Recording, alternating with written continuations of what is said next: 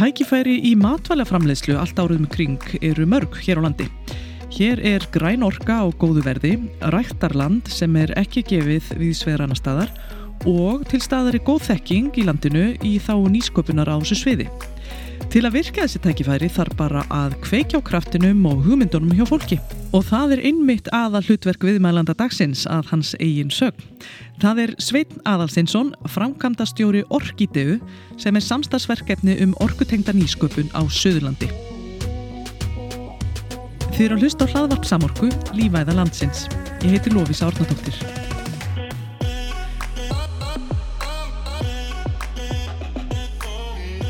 Góður sæl Sveit, við erum hjartanlega velkomin til mín hingað í hlaðvarp samorku.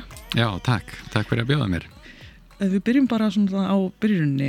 Hvernig, hver er þú? Hver er þinn bakgrunnur?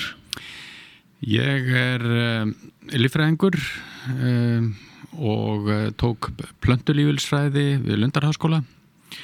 Varði rítgerina mína 1990, það eru 150 ár síðan og hef uh, dósentitil við Sænska landbúnaháskólan Eh, engi laun en bara, já, ekki skreitt mér með honum og númer eitt hef uh, leiði til að taka að mér doktorsnema. Það er það sem þessi títil segir. Ekki það að ég sé að nota hann í dag, en uh, hann gefur mig tengsl. Nú síðan hef ég verið skólamestari í Garrikiskólans og svo hef ég verið í fullurinsfræslu, bæði hjá starfsafli og fræslumistu aðtöðlýsins, framkvæmstjóri þar á báðanstöðum og svo tók ég við þessu starfi sem framkvæmtistjóri Orkideu eh, fyrir einu og halvu ári. Og hvað er Orkidea? Orkidea er samstagsverkefni um nýsköpun í orkufregri matvælaframlegslu og eh, líftekni á Suðurlandi. Og Orkidea er uh, í eigu landsvirkjunar samtaka Sönleiska Sveitafélaga, skamstaf SAS og Landbúnaháskóli Íslands síðan kom aðtunumvöga og nýsköpunraðanitið inn og uh, allir það heiti ekki matvalraðaniti í dag. Þannig að þeir eru okkar bakkærla líka. Einmitt. og þinn bakgrunnur náttúrulega hlýtur að reynast þarna nokkuð vel. Þið eru með áherslu eins og segir á matvæla framleiðslu og, og þú með þína plöntulífræði þetta hlýtur að fara nokkuð vel saman. Já, já, ég treði gardirkjunni allstaðarinn þar sem ég mögulega get. Uh, en vissulega það er kannski var eh, eitt af því sem að reyði því að ég var ráðinn var að ég á samt félögum mínum uh, við vorum að tekna upp ylræktarver sem átti að vera við helliseðavirkjun við vorum að vinna í þessu sem frumkvölar í átta ár og þá fengum við nóg. Þurftum að fara að gera sína vinnun okkar betur og, og gera ýmislegt annað sem gaf einhverju tekjur En það er gaman að segja frá því að núna við helsæðavirkjun er komin eh, starfsemi sem að byggir á ljóstílifin. Það er að segja hvernig plöntur nota ljós og búa til ykkur vermað efni og það er smáþörungarækturinn hjá Vaxa Impact Nutrition við helliseiði. Emit, spennandi. Það er mjög spennandi. Já, en af hverju hérna, þetta verkefni á Suðurlandi? Er Suðurlandi eitthvað sérstaklega vel til þess fallið að skoða tækifæri í í matvælaframleyslu? Já, ég er nú fættur og uppalinn á Söðurlandi eh, og Söðurlandi er matarkista landsins. Ég er ekki að gera lítur öðrum landslitum en bara ef við lítum á magnið þá er það mest þar. Eða alveg sama hvað við lítum á nema kannski helst sjáarútugurinn.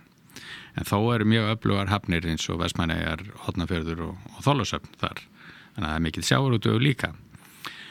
En uh, svona hefðbundnar landbúnar vörur eru mikið framleitar í miklu magni á, á Suðurlandi.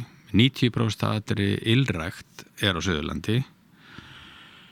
Og uh, samtök Sönleiska Sveitafélag gerðu sér uh, sóknar áallun fyrir nokkrum árum og í henni er aðtunstefna sem að hveðu meðalans á um að það eigi að auka við nýsköpun og uh, fullvinna vörur í hér að því meira Það er líka óskum að nýta orkuna betur á Suðurlandi. Ef ég mann það rétt að þá eru yfir 55% af orku landsins framleitt á Suðurlandi. En svo notum við bara 3%. Þetta finnst okkur ekki sérstakt hlutfall, ekki sérstaklega skemmtilegt og við viljum nýta orkuna betur en auðvitað það eru vandkvæðu því, það er búið að semja til langra uh, langstíma þannig að, að við viljum sjá eitthvað nýju kvansvirkjunni koma inn á Söðurlandi.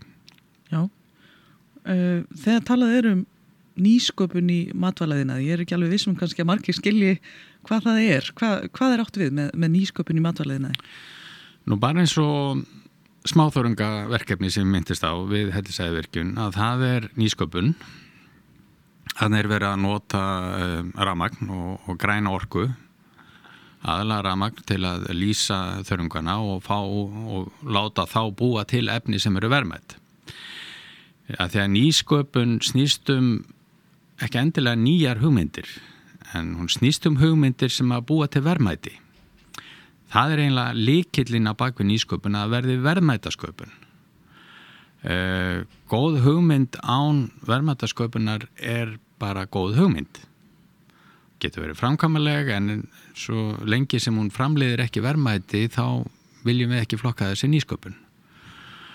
Uh, nýsköpun í landbúnaði það, það er það sem kannski stendur í fólki að því að landbúnaður er nú elsta aðtunugrein heimsins 5.000 ára gömul eða 7.000 eða hvaða nú er eh, hins vegar eh, er mikið að gerast þarna og sérstaklega með tilkomu líftekninar þá er feikileg eh, nýsköpun í gangi í landbúnaði. Þarfyrir utan hefur áhugi fólks á fæðinu sem það er að neyta. Hvernig hún er búin til hvað er í fæðinni hefur aukist mikið og það þýðir að það opnast ímsir kemar sko fyrir nýsköpun sem eru mjög spennandi. Og þar höfum við Íslendingar ótrúlega tækifæri að því að heilt yfir erum við að framlega matvæli á mjög heilnaman hátt. Við getum stimplað til dæmis alla okkar illræktaframleyslu sem skortýra eitur fría.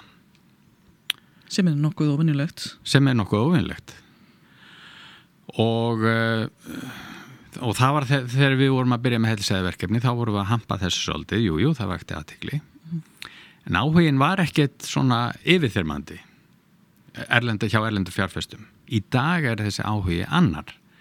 Þar eru menna að hugsa um heilnami en ekki síst sko kólefnissporið og kólefnisspor íslenska matvæla, sérstaklega ylrækta græmitist sem ég þekki nú aðeins betur en önnur matvæli, er mjög lágt. Einmitt, þar, þar spila náttúrulega þessi græna orka mjög stórt hlutverk. Mjög stórt hlutverk, já. Mm. Er þá hægt að fá hærra verð fyrir þær vörur sem eru framleitar með lágu kólefnisspori? Ég býst við því uh, í dag, ekki mikið, en eitthvað Ég býstu að þetta, þessi, þessi premja, þessi verðmunur mun aukast á næsta árum. Mm -hmm. Þegar fólk skilur betur að allt sem þú gerir lætur ofan í þig hefur áhrif á einhverfið og, og, og sérstaklega unga fólkið vil ekki hafa sér þannig að það, það skilji eftir sér stort kolminsbor. Ég finn það mjög mikið á, á unga fólkinu kringum bönni mín að, að það er, er mikill áhugi fyrir því að, að gera eitthvað rótækt mm -hmm. eða réttar sagt að hugsa um sinn eigin garð í óeinlegri merkingu þannig að þú sérst sjálfur að leggja eitthvað fram En um, eru þarna tækifæri að, að sko gera þetta á mjög stórum skala fara að flytja eitthvað út og af, af, af matvælum? Er... Já, Já. tímanlöst Við vorum með mjög skemmtilega ráðstöfnu við hjá Orkideu í samfunnu við uh, Landbúnaháskólan og fleiri aðila bara núna í september. Það sem að eh, sko möguleikar Íslands voru rektir og svona teiknaður upp. eh, það er ekki bara orkan sem að við fáum vonandi af meira á Söðurlandi á næstunni heldur líka þetta um, orka á góðu verði. Orka á góðu verði er bara mjög sjálfsögður hlutur í Európu í dag. Það eru gróðurhús í, í Hollandi, Belgíu, Danmörku og víðar sem að ja, mínar heimildir segja að munu loka yfir vetramánuðina vegna orkuvers og við erum bara ekki tilbúin í þennan útflutning en þá ég veit að garðikibændur hafi verið að flytja út græmeiti til uh, já, Damerkur og Grænlands og Færiða allt er þetta í smáan stíl en mjóri mikil svísir þannig að við sjáum alveg eða ég sé gríðarlega möguleika þarna fyrir útflutning á íslensku græmeiti þar fyrir utan eigum við alveg ótrúlega mikið af, af ónýttu rektarlandi sem að er tildulega ódýrt í dag. Eiginlega bara mjög ódýrt. Ef við berum saman land undir aftur kemja gróðurhúsum undir gróðurhús þá er það sko það er bara brota brota þeim kostnaði sem hollendingar eða belgar þurfa að borga Já, þeir eru að borga sko parkettverð segjum við fyrir fermetran en við erum að borga, borga, borga kannski parkettverð fyrir hektaran Já, það minna svona miklu. Já, Já þannig að það er mikil tækifæri. En er, er, hérna þetta er náttúrulega samt þarf að vera ansi mikið magn til þess að í raun og veru kannski að fara að telja hérna út, út í hinn stóra heim hérna frá litla Íslandi. Já, já, á heimsísu erum við náttúrulega bara það telst alla eins og þú segir. Eins og er fyrir landbúnaðin á Íslandi er þetta gríðarlega tækifæri. Það sem er stort fyrir okkur er lítið fyrir aðra en stort fyrir okkur þýðir bara miklu möguleikar. Og við þurfum bara að passa þetta rektarland þannig að við missum það ekki undir eitthvað annað En um, það nú mikið talað um svona að hérna, það er náttúrulega vaksandi uh, vandamál í heiminum að, að brauðfæða uh, heiminn og svona umræða um, um hátækni matvæli er, er, er hávær, finnst mér allavega að maður orði nokkuð uh, var við slíka umræðu. Er, er, er tækifæri þarna fyrir uh, Suðurland og ykkur í orkitu? Alveg tímanlaust. Við skulum líka sko munna að, að flest öll illrækt í dag er hátæknilandbúnaður. Mm -hmm, já, ég mitt. Og kortræktin er meira að minna sko hátæknilandbúnaður mjölkuframlislan er hátæknilandbúnaður þannig að það er í raun og veru ósku fátt sem er ekki hátæknilandbúnaður uh, á Íslandi það bara verður að vera annars eru er bændur ekki samkeppnisfærir uh, ef þú átt við sko há-há-hátækni að þá höfum við gríðarlega möguleika. Við getum séð til dæmis eins og orflítekni sem er að nota uh, einstakka aðferð við að uh, búa til vakstaþætti og ímsa uh, hormón, ímsa vakstaþætti í og nota til þess bygg og rækta bygg í gróðurhúsi að því að fá miklu fleiri uppskerur og miklu fleiri kynnslóðir og nota svo þetta ímist til að selja inn á rannsóknarstofur eða þá nota því snirtuverur þetta er í grunninn landbúnaður að vera rækta bygg. Eh, verðmætin sem kom úr þessu eru bara á allt öðrum skala heldur en vennileg byggræktun. Og, og þarna eru tímalöst þækifæri það eru í, í, í mörgum tilveikum þar sem að Íslendinga geta fundið svo kallega hillumarkað eða nissmarkað mm -hmm.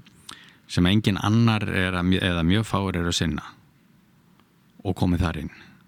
Einmitt út af lága orkuverði þekkingi úr landinu heilt yfir eru Íslandingar velmentu þjóð.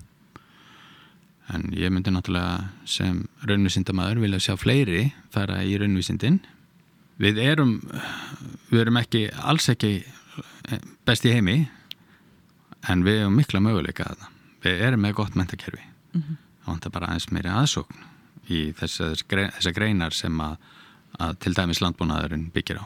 Einmitt, það er svona heilt yfir stórt vandamál að fækkar fólki í þessum Já. hefðbundnu stemgreinum. Já. Já. En eru því orkitögu svona að stuðla því að fólk sjáu þess að takjur, finni þess að nýs hillur eins og hún nefnir? Uh, við getum ekki verið náttúrulega sérfræðingar á öllum sviðum en við tölum við fólk eins mikið og við getum. Uh, og, og þannig sko erum við eins konar skiptiborð upplýsinga.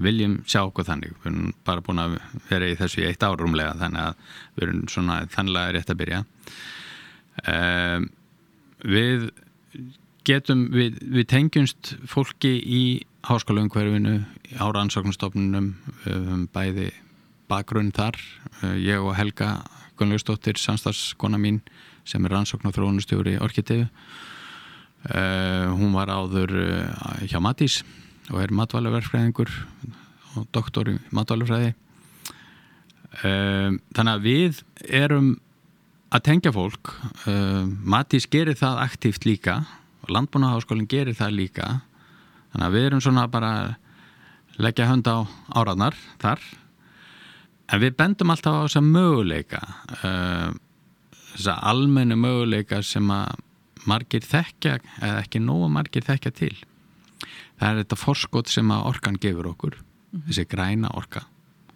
og í dag á ódýruverði mm -hmm. Uh, Ræktarlandið uh, hreinleiki afverðana við þurfum ekki að nota skortireitur uh, og það á við flestar greina landbúnaðar. Við þurfum ekki að nota hormón eða það er bara ekki bakgrunnu fyrir því það er ekki hefð fyrir því. Og síklarlega náttkunn í grepum, í skeppnum er mjög lítil. Við erum held ég öðru sæti að Noregur sé aðeins fyrir ofan okkur. En, en þetta er bara allt önnu deild með að við það sem að bændur í Suður-Európu þurfa að glíma við. Það sem að hitin er meiri það sem að þjettleikin hvað sem er skeppnur eða blöndur er svo miklu meiri. Þannig að pestir breyðast mjög ört út.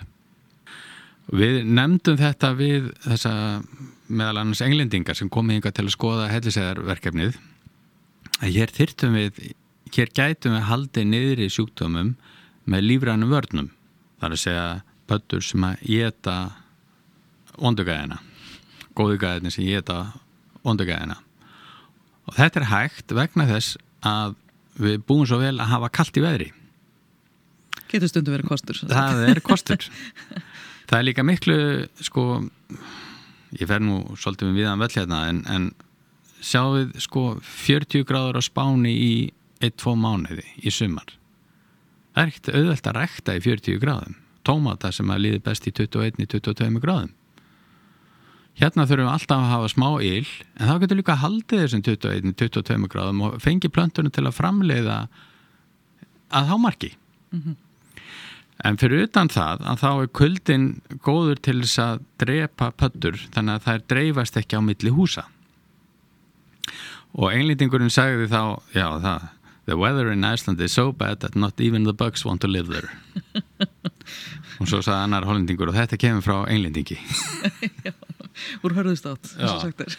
þannig að við hefum, sko, kuldin er, er góður, hann er, hann er kostur orkan er kostur, ræktarlandi er kostur, þekkingin í landun er kostur. Íslinga voru með þeim fyrstu til að byrja vetraræktun á tómutum. Þeir byrjaði því sko að fullum krafti 95-6. Beat that. Já, ekki sjálfsagt í þessu einmitt kalda landi. Nei, Nei, en það er að því að sko vilji manna til þess að vera fremstir uh, hafa gæðin alveg í, í, í hámarki það mun alltaf skila skila sér í betra verði mm -hmm. En hvaðan eru svo svona hugmyndir að koma? Ég sé að þið eru með viðskipta hraðal e, í gangi hjá Orkidegu allavega einhvers konar nýsköpuna hraðal Já. Er þetta fólk bara allstaðar aðalandinu eða, eða frá Suðurlandi eða svona? Sko við hefum hérna svo að það sé nú sagt satt og rétt þá við verið með eitt hraðal. Eitt hraðal, já, já. Startup Orkidea sem að landsvirkinn startaði eiginlega á áður en Orkidea tók til starfa þannig að við komum svolítið inn í hann. Bara mjög gott, það gáttum verið mentorar með og, og það var fólk uh, þeir sem voru valdir voru svona 60% frá Suðurlandi 40% annar staði frá. En þau voru öll að uh, á sviði matvæla framlýslu sem er bara mjög gott. Og þau voru valinn fimm teimi sko úr hópi 15-20 og ólík verkefni væntalega ja, mjög ólík. Já. getur nefnt dæmi, hvers konar verkefni er, er að sjá þannig? Uh, það er til dæmis live food uh, Erlendur og Fjóla í hveragerði sem að uh, er að framlega vegan osta úr íslenskum höfrum havra mjölk og það er verkefni sem unnum meðal annars í samvinni við Matís. Uh, þau eru vonandi að komast í gang uh, og eru kannski komin í gang ég er langt síðan ég tala við þau. Uh, annað nýsköpunarverkefni sem að var ekki beint í þessum hraðli en við höfum stutt mikið er frosturkun frosturkun er tekni sem er búin að vera þekkt lengi hefur verið reynd hérna. En hún verður alltaf mikilvægur og mikilvægari að því að fólk þarf á frosturkun að halda í sínu ferlum við að einangra ákveðin efni úr matvælum, fæðibótarefni til dæmis. Frosturkun sko viðheldur byggingu þess sem þú þurkar þannig að tómatasneið sem er frosturkuð, hún lítur út mjög svipað og venjuleg tómatasneið. Gljáður ekki en hún er mjög svipuð. Eins og ef þú þurkar hann við hita þá verður hún örfisi struktúrun helst bragðið helst sem að gerir ekki í annari þurkun eða ekki eins vel og uh, bæði bræðefni og næringarefni halda sér 95-97% en þetta er gríðarlega flott aðferð til að taka vatni í burtu og þar með að því að Íslendingar er, það er ekki lesar hell okkar að það er þessi flutningskostnaður frá landinu og tíminn sem fer í það. Ef þetta er mjög fersk var að þá þurfum við helst að nota flug. En það er náttúrulega uh, að því að við höfum flutt út ferskan fisk svona lengi þá getum við yfirfært ímsar aðferður úr þeirri grein yfir í græmiðis útflutning mm -hmm. og við erum búin að sína fram á það að það gengur bara fínt að flytja tómata aðeins að þurka þá með skipum til Európu þeir bara geimast í nokkra vikur. Þannig að möguleika þeir eru alveg ótamandi Þetta þá vantilega lengir líftíman tölverst Algjörlega. Mm. Það gildi bara að finna rétt heitasteg fyrir, rétta, fyrir hverja vöru. Já, einmitt. En hvað er svona hérna á döfinni svona á næstunni hjá Orkitegu eru því samstarfi við séð þeirra kynni ykkur svona önnu lönd og hvað þau eru að gera í, í hérna matvæla framleiðslu og, og nýsköpun? Já. Við erum núna að taka þátt í umsókn með e, fyrirtækjum í landeldi Eh, landeldi á fiski, á lagsi og við erum að skoða möguleikana þar, viljum fá peninga frá Europasambandinu til að skoða ábörðar og lífgasvesmiðu sem að nýtir fiskaúrgang, bæði döðafiska sem að er alltaf og uh, fiskamikju eða fiskaskít. Gerja þetta og þá kemur þessi fíni lífræni ábörður og uh, við getum fengið mjög gott metan og koltvísering og það er reynd með réttri tekni að við getum selgt koltvísiringin til gróðurhúsa og metanið er hægt að nýta til uppbytunar á sjó. Þar með þarf ekki eins mikið ramagn en ábyrðun er eiginlega betri. Hann er auð dreifanlegri það eru, eru ábyrðar efnin eru sterkari. Fyrir utan að það vil enginn dreifa fiskaskít á tún eða, eða græmiti þannig að ég er mjög spenntu fyrir því verkefni, við hefum kynnt okkur þetta svolítið hjá Orkideu og það eru óteljandi möguleikar þarna og þetta er tekni sem er bara hilluvara í Európu það þarf engar sérstakar ansóknir það þarf náttúrulega að undirbúa þetta vel og vita hvers konar ferla maður þarf og hvaða ráfni maður er með. En er einhver, þetta er ekki geimísindi það er svo langt frá því. Og við erum svona að, að berja í trómuna fyrir þessari tekni að því að ábyrðaverð eh, hefur hækkað um 95 eða 100% á einu ári bæði út af stríðinu í Ukræninu og hækkuna orkuverði sem á náttúrulega hluti til skýringar í þessu stríði mm -hmm. ábyrður er ekkert annað en bara já að þú þarfst að nota mjög miklu orku til að búa til ábyrð og það eru nýsköpunum fyrirtæki líka talandum nýsköpunum landbúnaði eins og Atmónia uh mhm. Sem að allir sér að búa til uh, köpnaröfninsábyrð úr andurslóftinu við miklu minni hýta og orku heldur en hefur þurft hinga til Og þetta er náttúrulega gríðarlega tækifæri í, í að búa til verðmæti þetta er eitthvað sem allir nota út um allt og við hérna sköpum okkur einhvern, einhvern stað þarna þá uh, aldrei sagt að búið til gældiristekjur vendarlega. Já, líka bara að uppfylla þarfirnar á innlandsmarkaðinum. Já, einmitt, fyrir það. Með ábyrði. Um, og það er nú um, kannski hitt verkefni sem er svolítið fyrirferðar mikið hjá okkur í dag að það er að, að kynna hugmyndafræði grætna eðingarða. Já. Við vorum að skrifa undir viljaauðlýsingu með sveitafélaginu Rángárþing Ytra, það er sem sagt hella og landsæðin þar í kring og þar viljum við sjá grænan yðingarð þar sem að einhver stór framlegandi, annarkort á sviði ylræktar eða landeldis eða rafeldsnitis framlegslu kemur sér fyrir um, fær að tengja sig tengipunkti þarna landsnett sem er nýkominn á svæðið og vonandi er orkan tiltækjað þá e, þannig að, að hann myndi sjá um dreifi kostnad sjálfur þessi stóri notandi en samtímis gæti hann laðað að sér minni fyrirtæki sem annarkort afhenda einhverja ströyma sem þessi stóri fremlendi þarf eða nýtir ströyma frá þessum stóra framleiðanda. Þannig búum við til einhvers konar samlífi eða symbiósu fyrirtækja þar sem að við lámörkum uh, úrgang og setjum eiginlega ringrásarhagkerfið í praxis. Hugtæki græn yngarður, það er á ennsku Eco Industrial Park, er ekkert endilega, þarf ekki að vera endilega á sviði græns yðnaðar heldur að menn sé að hugsa að ströymanna þannig að þeir yfirgefi ekki svæðið. Fara úr línulegri framlegslu það sem býrtu vöru og hendir svo úrganginum á einum endanum. En hún færi hring þannig að úrgangur frá einum framlegenda nýtist sem öðlind hjá öðrum. Þannig að við lámörkum úrgang við lámörkum áhættu við eh, nýtum fjárfestingar betur tengipunkta innviði og svo framvegis. Og samtímis viljum við náttúrulega sjá að, að það sé fair play sko í vinnumarkaðinum að þarna fá, fær fólk borgað mhm. fyrir sína vinnu. Uh, að félagslegi standardar séu virtir. Allt þetta þarf að ganga upp en þá líka erum við komið með mótel sem að mér finnst mjög aðlaðandi fyrir framtíðina og fyrir börnun okkar ákomundur Einmitt. að úrgangur sé ekki úrgangur heldur.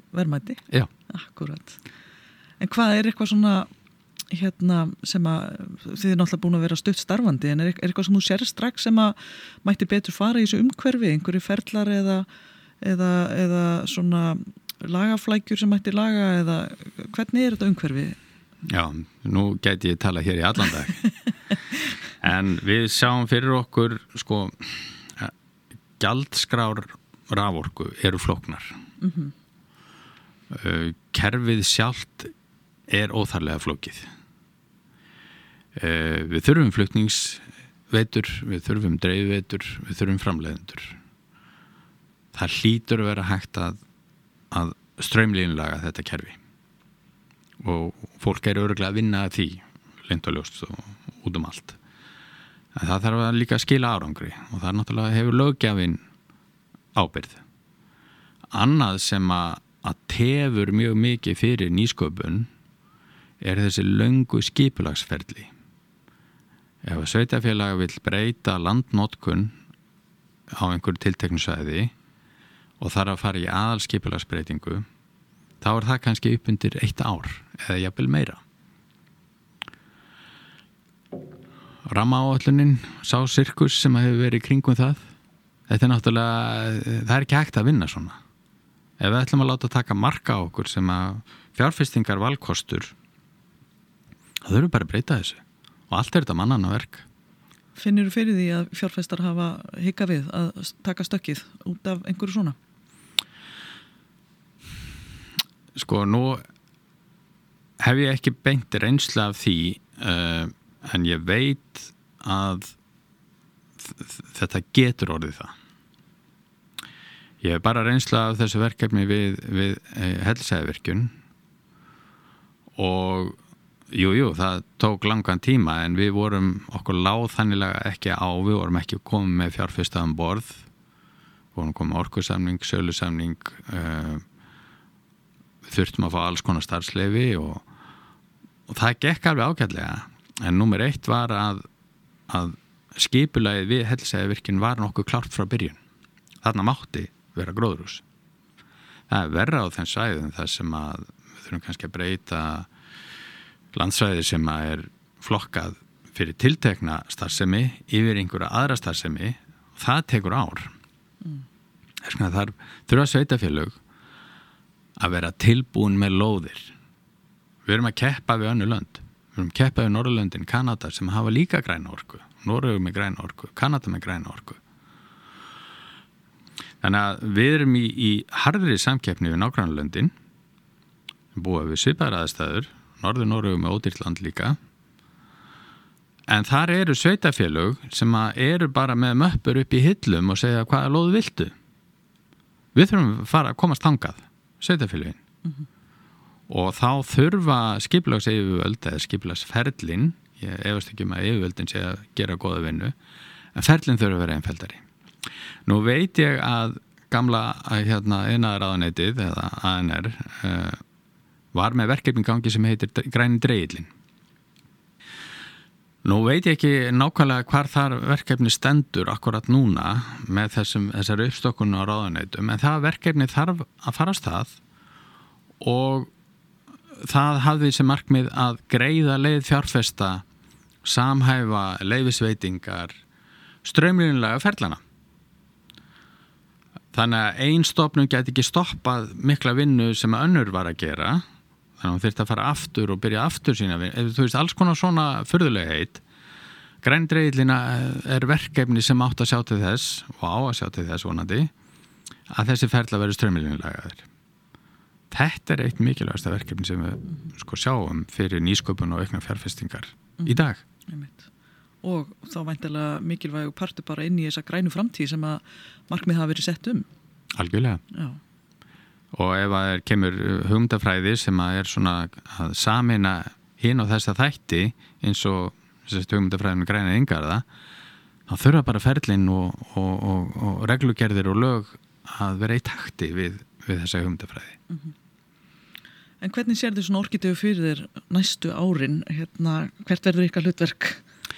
Já, nú er þetta tímabundi verkefni eh, okkar líftími rennur út eh, í áslokk 2024 eh, ég er náttúrulega vona að við getum sínt fram á þann árangur á þessum það sem nú er eftir 2-2,5 ár eitthvað svo leiðis að okkar eigendur og að okkar styrkjaumhverfi að við náum árangri í styrkjum þannig að við fáum eitthvað framhanslíf að ég held að sé mikil þörf fyrir okkar skiptiborð. Og okkar áróður fyrir grætni orku og matvælframlýslu mm. við þurfum alla með. Alla með. Virkja nýsköpun og öll, öllum svæðum landsins. Já, ég segi alltaf mitt hluturk er kveiki fólki, fólk tekur í svona misjaflega ekki bókstallega ekki bókstallega en að kveikja hugmyndir, kveikja sko kraft. Ég er ekkert einnum það, það er fullt af fólki. Allt stuðn í sungverðin ísköpunar hefur þetta markmið að fá hugmyndi til að virka En hver, hvernig virkar þetta þá þetta bara fyrir nærsamfélagið í, á, á hérna Suðurlandi er þetta ekki eitthvað svona já, kveikir svolítið í nærsamfélaginu? Jú, sveitafélagin er mjög áhugaðsum mm -hmm. það eru atvinnufulltrúar í einhverjum sveitafélagum sem eru mjög áhugaðsamir og eh, bara það að samtök sveitafélaga skuli koma inn með peninga til að styrkja svona verkefni sínir að fólk er að meina með eitthvað með þessum orðum. Það vil sjá árangur. Og eitt hluta árangurum er fjöldi fyrirtækja nýsköpunum fyrirtækja, við getum hugsanlega að tala í það. Annar mæli hverði er erum að fá fjárfestingar inn á Suðurland á þessu sviði. Það skiptir líka máli það eru ímsi mælikvarðar og þetta verður allt talið eftir nokkur ár. Það verður allt talið eftir nokkur ár.